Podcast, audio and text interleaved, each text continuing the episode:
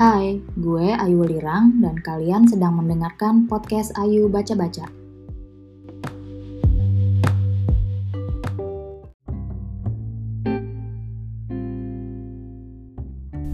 Halo semua, gue Ayu Lirang dan tahun ini gue balik lagi membuat podcast Ayu Baca-Baca ya. Ini episode 8 ya kalau nggak salah dan kali ini gue mau bahas buku buku cetak. Eh enggak deh gue bacanya digital juga.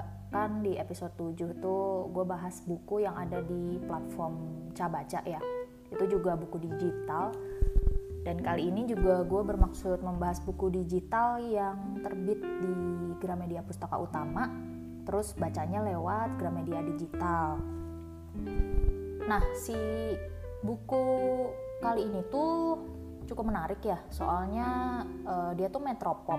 Tapi pas lihat sampulnya tuh bukan kayak metropop yang kebanyakan ada di Gramedia gitu beda. Jadi uh, tokohnya itu ada tante-tante bukan tante-tante sih maksudnya perempuan ya mungkin. Perempuan lajang usia hampir 30 dan foto anak kecil itu kalau gue baca dari blurbsnya sih dia keponakannya gitu. Nah judul bukunya ini adalah semangat Tante Sasa oleh Tessa Livia dan terbitnya berdasarkan uh, pencarian gue sih dia kalau nggak salah dikurasi dari platform GWP alias Gramedia Writing Project. Jadi uh, usut punya usut naskah ini tuh sebenarnya sempat diikutkan lomba di Gramedia Writing Project ya kalau nggak salah, cuman nggak menang. Nah tapi kan di GWP itu editornya lumayan aktif ya mencari naskah baru dan tadinya judul novel ini tuh kalau nggak salah 40 hari menjadi ibu dan sudah diganti. Judulnya jadi semangat tante Sasa yang menurut gue itu taktik yang bagus banget karena jadi lebih eye catching aja gitu. Semangat tante Sasa ini e, bergenre metal pop dan sekarang di sampulnya sudah ada logo baru di bawah logo lini bukunya GPU yaitu logo Gramedia Writing Project jadi kan biasanya kalau kalau Metropop itu ya logonya cuman Metropop aja ya. Cuma kalau sekarang itu ada logo GWP-nya untuk buku-buku yang terbit dari platform itu. Tebalnya sendiri ada sekitar berapa nih? 272 halaman. Itu di Gramedia Digital ya. Gue sebenarnya nggak tahu kalau buku cetaknya itu tebalnya berapa tapi mungkin nggak terlalu jauh berbeda. Nah untuk blurbsnya seperti ini Demi apa Sasita yang seorang wanita karir tiba-tiba diminta menjaga anak kecil? Sudah cukup hidupnya disibukkan dengan pekerjaan, sekarang harus memikirkan anak kecil pula. Sasita terpaksa mengorbankan kebiasaannya bersenang-senang sampai larut malam, kadang sampai mabuk dengan teman-teman kantornya. Belum lagi mama yang tidak mempercayai Sasita sanggup mengurus Felisa, keponakannya, anak almarhum Kak Fania. Mama tahu kebiasaan Sasita pulang malam, hura-hura, apalagi Sasita malah dekat dengan laki-laki beristri. Sasita sama sekali bukan contoh yang baik bagi Felisa. Kalau sudah begini, apakah tugas yang terpaksa Sasita emban justru akan semakin meretakkan hubungannya dengan Mama? Apakah Sasita sanggup memenuhi janjinya kepada Kak Fania? Nah, jadi kayak gitu ya blurbsnya. Dari sinopsis di belakang sampul aja kita udah tahu bahwa ini adalah perjuangan seorang wanita karir ya masih lajang pula ketika harus mengurus uh, anak dari almarhum kakaknya yaitu keponakannya bernama Felisa. Dan digambarkan juga hubungan Sasita dengan ibunya ini kurang baik. Nah, jadi seperti apa sih sebenarnya hubungan Sasita dan ibunya? Juga bagaimana likaliku kehidupan Sasita saat harus mengurus Kak Fani, eh Kak Fani ya, mengurus Felisa saat dia juga harus bekerja gitu ya pokoknya dia sebagai wanita karir karir sukses tuh gimana sih harus mengurus anak-anak langsung aja kita masuk ke segmen review dari buku Semangat Tante Sasa oleh Tessa Livia.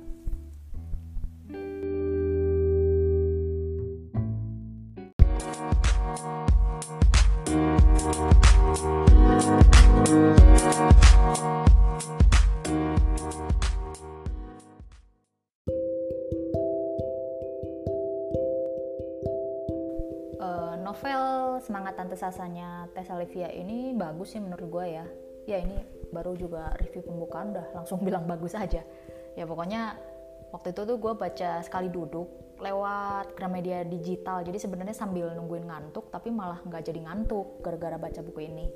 Ya gue mulai jam setengah 12 malam dan selesainya itu di jam 2 lewat 15 dini hari gitu. Jadi sekitar 2 sampai 3 jam lah ya cepet juga sih lumayan. Padahal biasanya kalau gue baca buku itu bisa bisa 5 jam itu paling cepet ya. Cuma karena memang bukunya itu se sebeda itu ya kali. Jadi gue bacanya cepet dan ngikutinnya tuh asik banget gitu. Meskipun di dalamnya banyak cerita tentang Sasita yang kadang-kadang bikin gue kesel sih. Dan si buku ini tuh udah bikin gue sedih-sedih dulu sampai nangis dulu sama kompleksitas hubungan ibu dengan anak perempuannya yang kalau kata suami gue sih memang kebanyakan begitu jadi ibu sama anak perempuannya tuh selalu punya masalah kompleks lah. Nah, sama juga dengan novel ini gitu. Semangat Tante Sasa menurut gue adalah novel metropop yang berbeda. Biasanya kan novel metropop tuh membahas dunia wanita karir berikut problematika cintanya atau masalah-masalah di kantor yang bikin dia itu jadi aduh males deh gue kerja di Jakarta gitu ya karena kebanyakan metropop itu memang settingnya kota Jakarta ya atau kehidupan urban gitu Cuma emang si novel ini, Semangat Tante Sasa, agak berbeda sih. Meskipun di dalamnya masih ada masalah cinta dan karir, tapi fokus utama yang diangkat di novel satu ini bukanlah cinta dan karir dari si tokoh utama. Novel yang ditulis oleh Tessa Livia dan berasal dari Gramedia Writing Project ini mengajak kita untuk mengikuti keseharian Sasita yang super sibuk dia bekerja di bagian investment banking ya jadi uh, pulangnya itu jarang tepat waktu namun karena kehadiran keponakannya yang bernama Felisa atau biasa dipanggil V ritme kerjanya Sasa nama panggilannya si Sasita ini jadi perlahan-lahan tuh berubah. Nah dia tuh dititipin karena emang pada saat itu ibunya harus uh, pergi umroh atau haji gitu. Gue lupa sih. Jadi si fokus utamanya tuh nggak nggak berkutat di kehidupan Sasita yang sebagai wanita karir di investment banking itu melainkan berkutat di keseharian Sasita yang tadinya cuma mengurus diri sendiri tapi sekarang malah harus mengurus orang lain. Lebih-lebih usianya itu baru 6 sampai 7 tahun ya usia anak kelas 1 SD lah ya. Si Sasita aja menikah juga belum gitu apalagi punya anak dan dia tuh harus membiasakan diri untuk mengurus si Felisa nah sudut pandang cerita kayak gini dalam novel genre metropop itu gue rasa sangat jarang sekali diangkat ya. Wanita karir terus ngurus anak ya jarang kan itu. Apalagi sebenarnya posisi wanita karir ini masih lajang. Mungkin di metropop lain ada juga yang biasanya kalau nggak salah terakhir gue baca itu yang perang bintang ya. Dan itu tuh wanita karirnya uh, posisinya dia sudah janda gitu dan dia sudah punya anak jadi ya mengurus anak sendiri. Sementara kalau di sini dia tuh mengurus anak dari almarhum kakaknya yaitu keponakannya sendiri. Dan dia tuh nggak pernah ketemu sama Felisa ini terakhir ya mungkin terakhir pas dia mampir ke rumah kali ya. Tapi intinya dia jarang pulang sih. Nah, makanya si sudut pandang yang berbeda tuh jadi salah satu nilai plus buat novel Semangat Tante Sasa. Cuman kadang-kadang sih ya memang ada nilai plusnya, tapi ada juga nilai minusnya ya. Mungkin di novel ini tuh salah satu nilai minusnya ya dari tokoh Sasa itu sendiri. Gue tuh bukannya gimana-gimana ya uh, ceritanya sih bagus ya, cuma si tokoh Sasa ini kayaknya bikin kesel banget gitu karena pokoknya dia tuh kayak nggak punya pendirian lah sama kehidupannya sendiri terus dia juga menghadapi anak-anak tuh bener-bener bener-bener kayak dia menghadapi klien-kliennya di kantor atau teman-teman kantor yang julid. Jadi sebenarnya kan sebenarnya berarti ya Tessa Olivia tuh berhasil sih membuat gue kesal karena ya tokoh yang bagus itu ya harus tokoh yang punya kompleksitas ya. Jadi tokohnya nggak cuman kaya nggak cuma cantik tapi tokoh-tokoh di dalam novel tuh harus seperti tokoh di dunia nyata gitu punya masalah sendiri. Dan menurut gue bagus banget karena si Sasita ini digambarkan sangat menyebalkan. Kita tuh nggak bisa lah nggak bisa simpati banget sama dia. Dan tokoh ini tuh menjadi tokoh yang bisa dipercaya oleh pembaca. Tokohnya tuh real dan kayak memang beneran ada loh orang kayak si Sasa di dunia ini. Banyak orang yang pas udah ngelewatin quarter life crisis kayak si Sasa gitu terus harus melewati masa kehidupan yang semakin tua semakin banyak tuntutan jadinya dia kadang-kadang stres dengan kerjaan eh tapi nyampe rumah harus ngurusin orang lain. Jadi intinya sih kayak yang novel ini mau sampaikan ke kita bahwa hidup itu nggak ada istirahatnya. Sisa satu kayak baru pulang pas ngeliat loh iya ya gue baru inget gue ada anak kecil di rumah ini. Bahkan mungkin anak kecilnya itu belum makan. Dan dia tuh setiap hari cuma nitipin anak kecil sama pembantunya doang. Eh ternyata anak kecil kan sekolah. Dia ada apa di sekolahnya dia nggak tahu. Nah hal-hal kayak gini tuh menurut gue meskipun si Sasa ada kekurangannya tapi karena dibuat seperti manusia yang nyata di dunia kita gitu si Sasa pasti belajar dong. Nggak mungkin kan ada orang yang tahu bahwa oh ini anak belum makan, ini anak di sekolah ternyata disuruh bawa ini, tapi dia diem aja. Nah itu juga hal yang bagus di novel ini. Ya artinya selama kita hidup ya berarti selama itu pula kita bakalan belajar banyak hal baru, termasuk saat kita menjadi ibu asuh seperti Sasita. Soalnya kalau menurut quotes-quotes di novel ini, menjadi orang tua itu bukan pekerjaan semalam kayak bangun candi Prambanan, karena ya menjadi orang tua itu artinya kita bakalan belajar seumur hidup ini pesan yang bagus banget sih dan karena disampaikan lewat keseharian tokoh Sasa yang bukan orang tua, kesannya jadi netral, nggak menggurui pembaca banget. Dan di setiap ending novelnya itu selalu ada quotes-quotes tadi, jadi kayak uh, pelajaran mengasuh anak hari pertama, jangan biarkan anak kelaparan, kayak gitu. Lucu-lucu sih, jadi kalian harus coba baca sendiri untuk tahu di ending babnya itu ada quotes apa yang kalian dapat nah terus sebenarnya gue kesel sama salah satu gara-gara uh, dia tuh harus milih apa ya kayak nggak punya pendirian dalam kisah cintanya gitu. Cuman gue cukup senang sih karena penulis itu tidak mengeksekusi tokoh si Seno. Ya tokoh yang disukai si Sasa itu jadi orang yang nyebelin banget. Ya gue pikir si tokoh Seno tuh bakal yang toksik banget lah sampai maksa banget atau melukai fisik Sasita. Tapi untungnya enggak sih jadi gue kasih nilai plus lagi karena uh, penulis tidak meromantisasi perselingkuhan gitu ya dan tidak membuat hubungan toksis toksiknya itu menjadi lebih parah karena nanti si Sasa kasihan banget sih kalau emang tertimpa berbagai masalah gitu.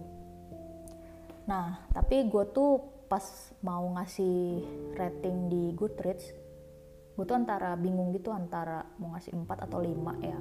Akhirnya gue kasih 4 doang gue juga bingung sih sebenarnya novel ini bagus ya tapi adalah mungkin sedikit banyak yang masih bisa ditweak lagi di beberapa bagian. Dan kenapa gue cuma ngasih ratingnya 4 bintang? Ya gue juga nggak tahu sih. Mungkin karena konflik sama mamahnya si Sasita itu cuma sedikit ya. Malah diperbanyak kayak itu kehidupan dia sama Felisa. Padahal kalau konflik sama mamanya itu lebih dieksplor lagi rasanya sih akan lebih dalam lagi. Jadi kita bisa tahu kenapa si Sasita tuh bisa bersikap seperti itu. Bersikap nyebelin banget lah intinya. Ya padahal kan e, pas di akhir-akhir tuh gue tuh sempat nangis pas baca cerita antara Sasa sama ibunya. Coba kalau dia udah dibikin dari tengah ya nggak cuma sebagai bumbu di ending cerita doang tuh pasti bakalan lebih mengandung bawang lagi sih bakalan nangis dari tengah-tengah sih. Intinya bacanya mungkin akan jadi lebih lama. Karena ini tuh gue cuma baca tiga jam doang. Dan itu udah diselingin nangis-nangis di belakang. Ya mungkin kalau lebih sedih lagi mungkin bisa sampai 5 atau 6 jam kali gue bacanya. Ya intinya sih di beberapa bagian dari uh, konflik yang dibangun antara Sasa dan mamanya mungkin bisa dieksplorasi lagi kali ya. Gitu aja sih Kak Tessa Livia dan endingnya gue tuh suka banget sama endingnya. Meskipun ya kayak nanggung aja. Karena ya apa ya mungkin kayak Deus Ex Machina gitu ya. Tiba-tiba dimunculkan di ending yang tiba-tiba jebret gitulah. Cuma kayak nanggung gitu. Nah gue gue sih bisa berharap supaya Sasa beneran dapat yang terbaik lah. Kayak kata mamanya. Dan gara-gara ending yang nanggung ini juga gue cuman kasih bintang 4 sih gitu deh mungkin ulasan singkat mengenai novel Semangat Tante Sasa oleh Tessa Livia. Ini udah ada versi cetaknya juga ya.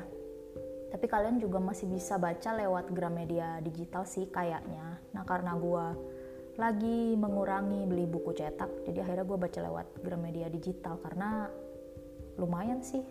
Enak juga bisa dipakai sambil tiduran mungkin gitu aja ulasan dari gua uh, sampai ketemu di ulasan berikutnya.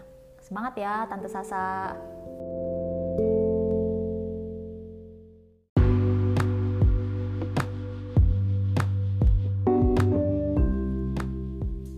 Sebelum pamit, gue mau infokan, jangan lupa mampir juga ke traktir.id slash untuk mendukung gue. Di sana kalian bisa membaca proyek terjemahan yang sedang gue kerjakan dengan harga dukungan mulai dari Rp2.000 saja. Podcast Ayu Baca-Baca sudah bisa didengarkan melalui berbagai platform podcast. Jika ada buku menarik yang ingin kalian rekomendasikan atau topik lain yang ingin kalian dengarkan dari podcast ini, kirimkan saran kalian melalui surel halo at ayulirang.com atau lewat Instagram dan Twitter di @ayulirang. Terima kasih sudah mendengarkan podcast ini. Bye bye.